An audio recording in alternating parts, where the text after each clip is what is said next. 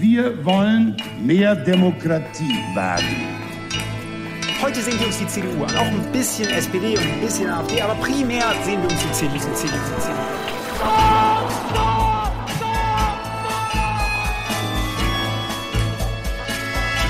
Niemand hat die Absicht, eine Mauer zu errichten. Ich weiß, ich habe heute Morgen in den Spiegel geguckt und dachte, wer ist denn die Hotte Bitch?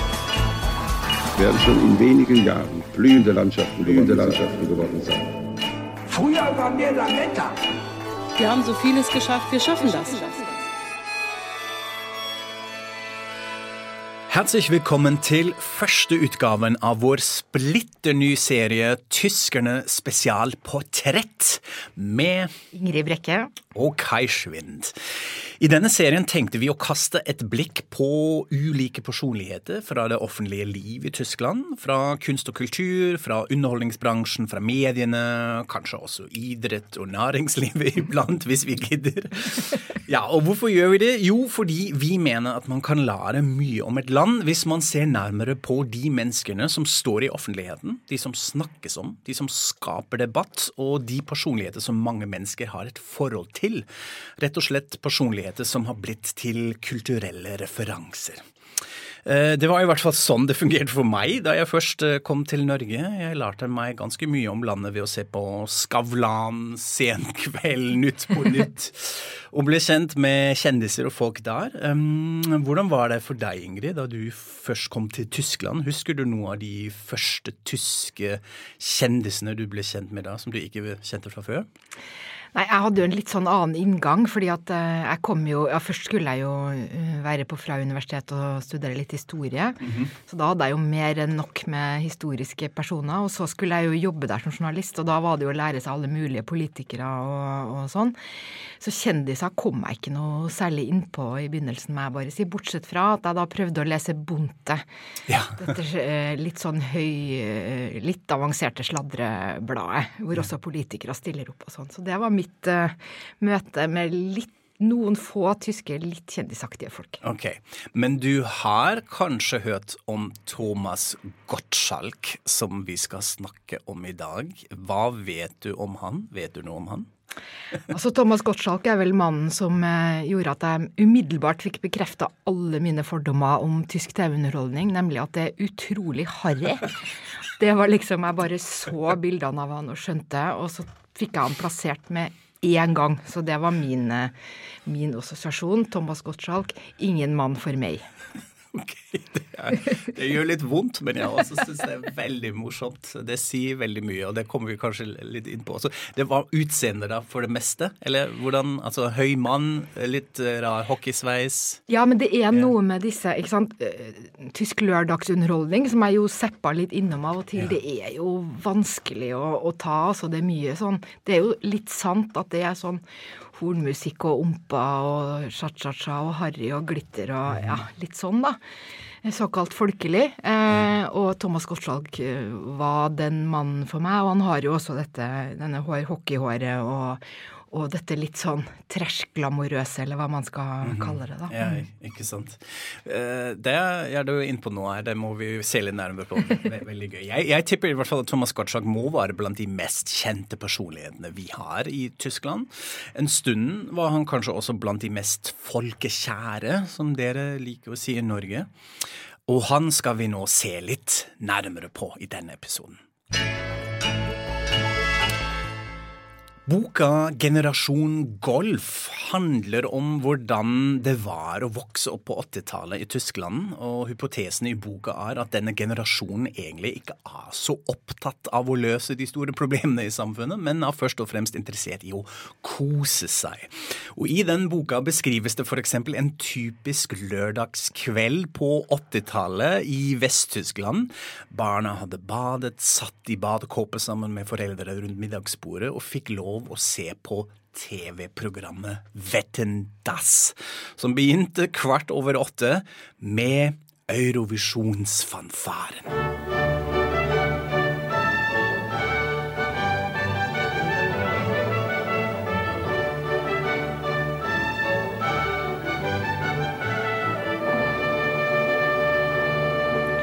Jeg forbinder jo dette først og fremst kanskje med eh, Melodi Grand Prix. Men i denne sammenhengen så betydde det samsending Tyskland, Østerrike og Sveits. Og Vettendass var jo nemlig eh, nettopp det. Men kjenner du, igjen kjenner du deg igjen i den der nusselige scenen over, da? Satt lille Kai i badekåpa og gleda seg? Det er virkelig litt, egentlig litt skremmende når jeg leste Generasjon Golf, at dette er sånn Ja, det er det. Jeg husker, jeg forbinder dette veldig mye med lørdagskvelder hos Oma og Åpa, besteforeldrene mine, hvor vi satt eh, jeg, jeg sa kanskje i push, ikke i badekåpen, men eh, sånn Ja, nå, eh, nå er det klar, nå spiste vi middag, og så var det sånne eh, brødskiver med sånne små agurker på, og så var det en skål med litt pottis og litt godteri og sånn, og så sa Oma 'Gleich fängt Wetten das an, Kai'. Ok, Og så så vi på Wetten sammen. Og det, det som var litt rart, eller spesielt, er at sånn, med alle klassekameratene mine var det sånn. På mandag morgen så snakker vi på skolegården liksom 'Har du sett Vettendass på lørdagskveld?' Og det er nok det den boka ser nærmere på. Så dette var et slags eh, fellesopplevelse eh, for, for mange i Tyskland på, på 80-tallet. Men hva slags program var det nå egentlig, da? Altså, ja, Det må vi forklare litt. Wetten das var et underholdningsshow hvor eh, kandidater skulle gjennomføre spektakulære stunts eller oppgaver. Og så måtte kjendisgjester gå inn et veddemål og si liksom klarer de det, eller klarer de det ikke. Uh, Stuntsene kunne være noe som uh, f.eks. hvor mange mennesker får man stablet inn i en liten Volkswagen boblebil, eller hvor lenge klarer noen holde seg under vannet uten å puste. Men etter hvert blir det også mye mer spektakulær og involverte gravemaskin eller dyr eller sånt. Uh, og så var dette veldig gøy å se på når man var barn. i hvert fall. Og så fikk man jo de kjendisene i, i tillegg. Så Wetten das ble først sendt i 1981 uh, med Frank Elstner som programleder, som også oppfant det programmet, og han har vi jo snakket om i tyskerne også her. Men i 1987 fikk showet altså et nytt ansikt, nemlig Thomas Gottschalk. Og han var ikke kjent fra før da? Jo, det var han. Han uh, begynte å lage radio, uh, men han hadde også et TV-show som het Nazovas, som gikk på 80-tallet på ZDF, som var et slags talkshow. Uh, så hadde han en del andre formater, men nå tok han altså over Tysklands største TV-show. Og det hele fikk en litt ny tone, fordi Thomas Gottschalk var ja, kanskje mindre stiv, ikke så selvhøytidelig, ganske slagferdig og tullete. Mest sånn overfor seg selv. Altså, dette er jo en sånn winner når man har litt sånn selvnedlatende humor og klarer å tulle med seg selv. Uh, og var sånn sett egentlig en perfect match for et show som dette. Så det fungerte veldig bra, og um, det er jo også ganske fascinerende å se på seertall fra denne tiden. Altså det vil si hvor mange mennesker faktisk så på dette showet. Jeg har sett litt på disse tallene igjen. Iblant var det over 20 millioner tilskuere. Og dette er jo helt utenkelig i dag. Og den suksessen, det skyldes først og fremst Gottschalk som programleder, da, eller? Ja, på en måte kan man si det. Altså, han blir også ganske kjent for sine litt ekstroverte klær etter hvert. Det, det du har vært litt sjokkert over og syns det var bare harry. Uh, man syns ikke det var harry. Og du, du sa jo litt mer ja, altså sånn tysk lørdagsunderholdning og slager og ompa-musikk. Altså, det er på en måte akkurat det som Gottschalk ikke representerte lenger. Altså, han var ikke en programleder som stilte opp i lederhosen og sånn, men skulle være litt mer rock and roll, mm. i hvert fall okay. en, i en sånn mainstream måte. Så man, man, man syntes han var litt mer hip and happening enn disse slagerfolket. Men etter hvert var det altså også kjendisfaktoren som, som gjorde showet litt spesielt. Altså, nettopp fordi Wetten Das var Europas største TV-show, ble vist i Østerrike og i Sveits samtidig, og i Luxembourg så kunne man se på dette. Men derfor fikk de jo også de største Hollywood-stjernene og musikkartister. Jeg har sett på en liste igjen med alle som var med i Wetten og jeg tror virkelig alle har vært der. Altså Tom Cruise, Nicole Kidman, Leonardo DiCaprio, Jennifer Lopez Alle. Denne ligaen snakker vi. Men også til og med Michael Jackson hadde en opptreden der i 1997, og han Eh, han gjorde jo aldri det, nesten, at han gikk i et TV-underholdningsshow, men det, det husker jeg. Det så jeg faktisk selv. Fordi eh, folk klikka fullstendig. Altså Publikummet gikk fullstendig gaga. Jeg tror hele opptredenen varte i 20 minutter. liksom. Var det direktesendt? Ja, og det er også veldig viktig å si. eh, Wetten das var live og direkte, som også førte til at den varte i evigheter. Dette blir en sånn intern joke at eh, ja, vi er überziehen wieder. Beklager, mine damer og herrer, vi går litt lengre enn planlagt. Så den kunne jo vare i sånn tre, tre og en halv timer på en lørdagskveld, nettopp fordi det var så mye som kanskje var litt uforutsigbart. Og alle barna fikk være lenge oppe? Ja, ikke sant? Jo lengre, så Iblant sovna vi litt under Vettendas, men det var veldig stas. Så masse kjendiser var med, øh, og, det er, og etter hvert blir jo det litt morsomt å se på også, hvordan disse amerikanske stjernene ikke skjønte hva som foregikk. Litt som hva som skjedde her med veddemål og rare stunts og litt sånn simultantolk i øret, så disse egentlig litt sånn avslappete talks på sofaen, de fungerte jo aldri. Eh, fordi man måtte vente til oversettelsen var ferdig, og folk lo i salen, og det, jo, ble jo aldri en ordentlig samtale. De var jo vant til sånne amerikanske late night shows, eh, shows hvor de måtte kanskje snakke i ti minutter, alt var avtalt på forhånd og sånn. Men Vetendass Das var som sagt en direktesending, kunne vare i tre timer pluss. Og jeg syns fortsatt det er veldig morsomt å høre amerikanske kjendiser snakke om dette rare showet da i Tyskland. Eh, Jeg fant en morsom klipp som vi skal høre på. Her er det nemlig Tom Hanks under en pressekonferanse i Berlin eh, som sier at han ikke kommer til å savne Vettendass noe særlig. The, uh, I must say that one thing that I do not miss about being in Germany and spending time in Germany is uh, uh, uh, is Vettendas. uh, there's, uh, I know it had a very successful run for the 800 years it was on TV, uh, and I'm sure uh, I'm sure the four and a half hours of entertainment that it brought every night that it was on uh, will be filled by some other fantastic program that will be brought to you by the filmmakers and entertainers of uh, the great Germany. Men når dette var så stort og holdt på, hvorfor tok det nå slutt en gang, da?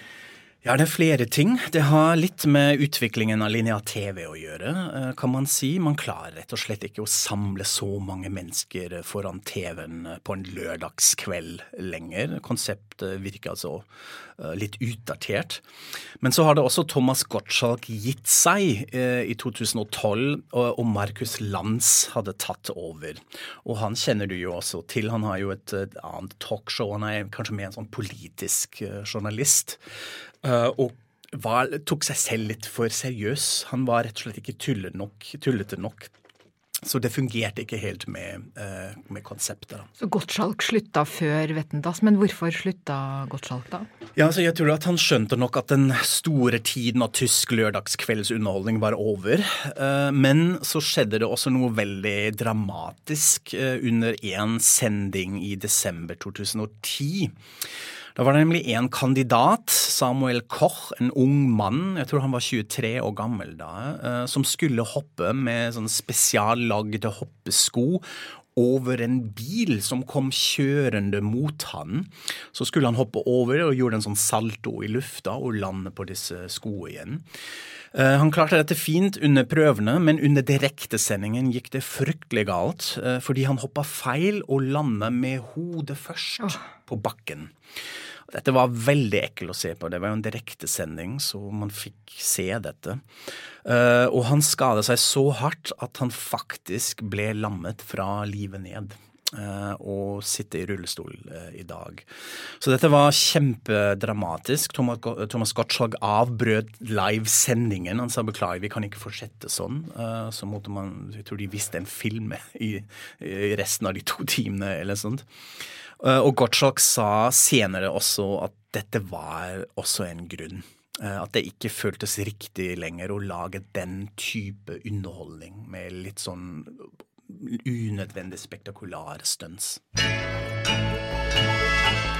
Så Gottschalk han ble da først og fremst berømt pga. på grunn av Vetten men, men si litt mer om hva slags eh, person han er. Han holder jo på med ting enda, og er jo eh, i media stadig vekk og har Ja. Mm. Ja, Gottschalk ble født i 1950 i Bamberg. Tysklands fineste by. Ja, vi er begge veldig fans av Bamberg, eh, så han er derfra. Så han ble jo 70 i fjor, og dette ble jo markert. så Han fikk et, sitt eget jubileumsshow på tysk TV, som, det, som du sier. Man har ikke glemt han, tvert imot. Han er uh, ganske synlig, vil jeg si. Men det er litt interessant å se på hans liv. Altså, han, han skulle først bli lærer. Eh, tok lærerutdanningen, men så begynte han å jobbe ved siden av på radio på Bayerischer Rundfunk i München. Uh, på 70-tallet var dette, uh, og da ble han ganske fort kjent fordi han hadde nettopp en annen stil, og kanskje en ny stil, til å snakke. Må ikke glemme at sånn tysk radiolandskap på 70- og 80-tallet var mye mer konservativ, mye stivere. Uh, musikkutvalg var ja, Dette var sånn slagermusikk og klassisk og jazz og sånn, men så begynte disse såkalte popvellen, altså sånn popmusikkformater, å dukke opp, som spilte amerikansk pop- og rockmusikk, uh, og prøvde også å presentere ny musikk, og det var en sånn kjempebra match igjen for Gottschalk, som var veldig musikkinteressert, og som har den en ny, igjen, ikke så selvhøytidelig, veldig selvironisk stil å snakke, introdusere rundt den musikken. Så han også blir kjent selv som programvert. At de presentatorene på radio ble også kjendiser fordi man hadde lyst til å høre på dem, ikke bare på musikken. Mm. Og så gikk han jo over på TV etter hvert, lagde ulike gameshows uh, og det Nasovas, og så ble han jo superkjent med, med Vetten uh, etter hvert. Og det er litt interessant å se litt sånn hva slags type kjendis han representerer, fordi han ble jo så populær og så kjent at han bestemte seg allerede, jeg tror det var på slutten av 80-tallet, å flytte til USA og bo der uh, med familien. Altså fordi det var mer glamorøst og flott å bo der, eller hva? ja, det var ikke det han sa. Han sa nok uh, begrunnelsen var at han, at han kan At sønnene hans, han har to sønner, um, kan få en litt mer vanlig oppvekst. Uh, oh. Fordi de er ellers så ultrakjente i Tyskland at uh, ble stoppa på gata hele tida og sånn. Men jeg tror han likte nok også et litt mer sånn glamorøst liv. Han sa jo dette Ja, ja, ja, nabo med Pierce Brosnan, og jeg møtte alle disse kjendiser her. Og han sa også selv grunnen at alle de kjendisene kommer til Vetendas er fordi de liker meg, og de kjenner meg fra USA også. Eh, så jeg tror det har eh, gjort noe med dette her. Men jeg, når jeg tenker litt sånn tilbake på han, og hva slags image man, eller hva slags bilde man hadde av han, så tror jeg også at han representerte litt sånn en, en, sånn idealisert amerikansk populærkultur i offentligheten. Litt sånn overfladisk og Eh, kommersiell. Altså Jeg husker at han lagde reklame for McDonald's, eksempel, på, på 80-tallet, som egentlig var ja, igjen nesten litt kontroversiell, fordi her var en ansatt fra Statskanalen eh, som gjorde sånn reklame for Big Mac på TV. Eh, men han ble kanskje mest kjent for eh, Haribo gummibærchen-reklame, eh, som han var da litt sånn ansiktet til i, uh, i 20 år, og vi kan høre på en uh, Haribo Gummibärchen-klipp med Thomas Gottschalk. Goldbeeren, noch habt ihr Zeit wegzulaufen. Ich finde, Sie hatten eine faire Chance. Men uh, var det virkelig alle tyskere som syntes at Thomas Gottschalk var en staselig mann? Nei, du kan jo tenke deg hvordan den intellektuelle Tyskland, ja, spesielt kulturjournalistene, altså litt sånn feuilleton, eh, som vi kaller dette i Tyskland, hater han. De hater jo han fra begynnelsen og syntes han var bare teit. Eh, og det hjalp heller ikke at han spilte i en rekke med kinofilmer eh, på 80- og 90-tallet som var sånne superfjollete komedier. Eh, som visste også at han ikke var noe særlig flink som skuespiller. Dette var et dårlig skuespill. Men de var utrolig populære. Det var jo store sånne kassenslaget på kino, og alle likte å se på dette. Men, så det er det. Men etter hvert blir denne kritikken også kanskje litt mer konkret, fordi man man begynte å se litt kritisk på hvordan han oppførte seg under sendingene, da, eh, da spesielt Vetten Dass, at han hadde en litt sånn slesk stil. Var mye sånn flau flørting med kvinnelige gjester, eller rett og slett grafsing på dem. Litt sånn ta på knærne, klemme dem litt sånn unødvendig. Jeg ser det for meg. Mm. sånt, ja. Så han koketterte jo selv litt med det. Ja ja, sånn er jeg, men dette ble man jo ganske lei av etter hvert. Eller syntes det var ganske flaut uh, å se på. Selv om på privaten virka han veldig stabil. Det var aldri sånne skandaler med han eller affære og sånn. Han var gift i over 40 år med kona Thea Gottschalk. De har som sagt to barn og barnebarn og sånn. Men i 2019 eh, ble det kjent at de hadde skilt seg. Uh, allerede året før, eller sånn. Det var, kom et lite sjokk, fordi man så dem som en sånn stabil uh, ektepar. Uh, men nå er han altså sammen med en produsent fra Sydvest, Rundfunk, og har faktisk flytta til koselige Baden-Baden i sør-vest. Tyskland. Fra Bamberg via Hollywood til Baden-Baden. Da har du en reise. Så han, han, er tilbake i Tyskland nå, og er også mye mer synlig, vil jeg, vil jeg si. Han dukker opp i talkshows og gjør alt mulig. Um, og Kanskje etter flere år med en sånn litt mer kritisk backlash, så, så mener jeg også at han, at han fungerer litt som en slags forbilde til den unge generasjonen av programledere i dag. Altså F.eks. folk som Yoko og Claes, uh, som har gått ut og, og så har, har lagd podkast sammen med han og hatt han som gjest. og og ja, jeg beundrer han. Altså fordi han har denne avslappa folkelige stilen? da? Eller? Ja, jeg tror det er det, uh, men også rett og slett fordi de vokste opp med han. Ja. At, at, han har et sånn forbilde fra barndommen, og alle hadde lyst til å være som Thomas Gottschalk. Og man har et litt sånn ambivalent forhold til han. Det er litt ironisk distanse også. Litt sånn oi, herregud, den skravlende, litt sleske Thomas, men vi, han, han, var litt kul òg, liksom. Det var noe nytt. Uh, og det er denne ånden som jeg tror disse, disse litt yngre uh, programvertene liker å ta med.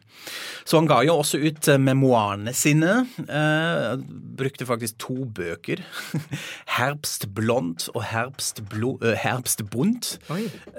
altså 'Høstblond' og 'Høstfergerik', kan man kanskje oversette det. Jeg har lest den første første, eh, og ja, det er gøy. Han er veldig gøy. Han er veldig ærlig, veldig selvironisk. Gjør narr av seg selv og sier rett og slett eh, 'for et liv jeg har hatt'. Ja. Eh, jeg har jeg elsker dette. Det er helt fantastisk. Og også som man han opplever han i da offentligheten. Jeg har også møtt han en gang, faktisk. Um, og da Han tar selfie med folk og snakker med alle. Og, så det, det virker troverdig. Eh, så da, sånn sett er han ganske autentisk. Men uansett, vi lever i en annen tid, og det er da litt interessant eh, Og det spørs om det blir litt sånn siste kapitlet i forholdet mellom Thomas Gottschalk og offentligheten. Det kom litt mer kritikk nå i det siste, og en del sånne gamle hvit mann som skjønner ingenting, anklager. Og dette er da akkurat nå veldig mye basert på et eh, TV-program som uh, gikk ikke så lenge siden i VDR. De letteste instans. En litt sånn merkelig konsept hvor en sånn panel av folk uh, kritisere tidens temaer, og i den sendingen skulle de altså diskutere kanselleringskultur, identitets- og språkpolitikk og sånne ting. Men så var det jo sånn merkelige folk som de hadde invitert. Det satt en sånn eks-Big Brother-deltaker og uh, journalist Mickey Beisenherz og en skuespillerinne som ingen kjenner lenger, og Thomas Gottschalk.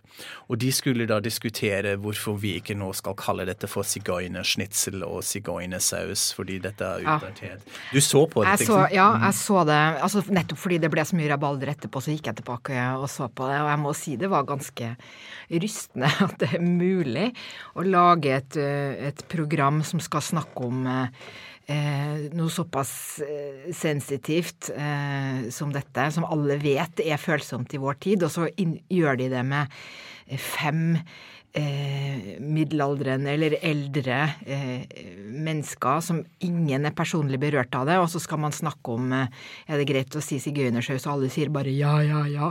Og så eh, til og med klarte de å, å liksom gjøre narr av dette sentralrådet for Sinti og Roma altså den paraplyorganisasjonen. Og da vippa det over for ganske mange, ja. vil jeg si. Og da gjorde ikke Gottschalk noen god figur, han heller. Det var helt forferdelig, og han eh, kom jo til med en morsom anekdote om da han kledde seg ut som Jimmy Hendrix på en fest og malte ansiktet sitt brun. Og det var jo ikke blackface, dette skulle jo bare være en hyllest ja. til Jimmy Hendrix. Jeg skjønner ikke hvorfor dette er et problem. Superflaut, eh, masse kritikk. Men han har det må man også kanskje si. Uh, litt sånn, Han har ikke sagt unnskyld, men han har sagt ok, da bomma vi fælt. Dette, da har vi ikke skjønt. Uh, da var vi ganske tonedøv. Uh, jeg ser det. så det diskuteres jo fortsatt. men det viser litt kanskje hvor utdatert han nå egentlig er. Ja. Så tenker du at det er noe relevans i Gottschalk i dag? Er det noe mer å hente? Ja, det må vi jo nok se. Jeg tror at han først og fremst, først og fremst representerer eh, tysk underholdningsindustri fra 80-tallet og, og 90-tallet. Altså en sånn stor høytid som ikke fins lenger. Um, men så må man ikke glemme at han også har prøvd ganske mye. Han er en slags pioner på flere områder. Altså han, han, var den første som lagde uh, late night shows i Tyskland i begynnelsen på 90-tallet. Prøvde å importere litt sånn den amerikanske tilnærming til late night shows. Lenge før Harald Schmidt uh, gjorde dette veldig kjent uh, i Tyskland. Så han har gjort veldig mye. Og så er han jo en det vi, vi kaller for rampensau på tysk. Altså rampegris. Rampe rampelysgris, kan man kanskje si. Altså En person som bare må være i mediet og liksom snakke snakker alt i hjel. Eh, og han kan jo faktisk bli ganske underholdende nettopp fordi han er så ærlig, på godt og vondt. Så man blir jo irritert av han, og det er litt sånn den litt småfulle onkelen på familiefesten hvor man tenker litt sånn herregud, nå må du være litt stille. Men iblant ler man høyt av han òg. Så det, det, er litt det der. Så vi får se hvordan det blir. Kanskje som en slags punchline av jo uh, I år er det 40 år jubileum av Vetten Vetten Dass, og nå blir det nettopp annonsert at han skal komme tilbake med ett siste show, Vetten Dass. En siste utgave, som egentlig skulle spilles inn i fjor, eh, men så var det korona, og nå skal det lages altså i, i, i år live og direkte som før, og dette er jo faktisk litt spennende å se hvordan det er. Det skal jeg se, kjenner jeg. Mm -hmm. Da ser vi på det sammen, kanskje. Ja. det. Det var altså Thomas Gottschalk. Eh, jeg håper dere ble litt mer kjent eh, med han. Da sier vi takk for oss og auf Wiederhören. Auf Wiederhören.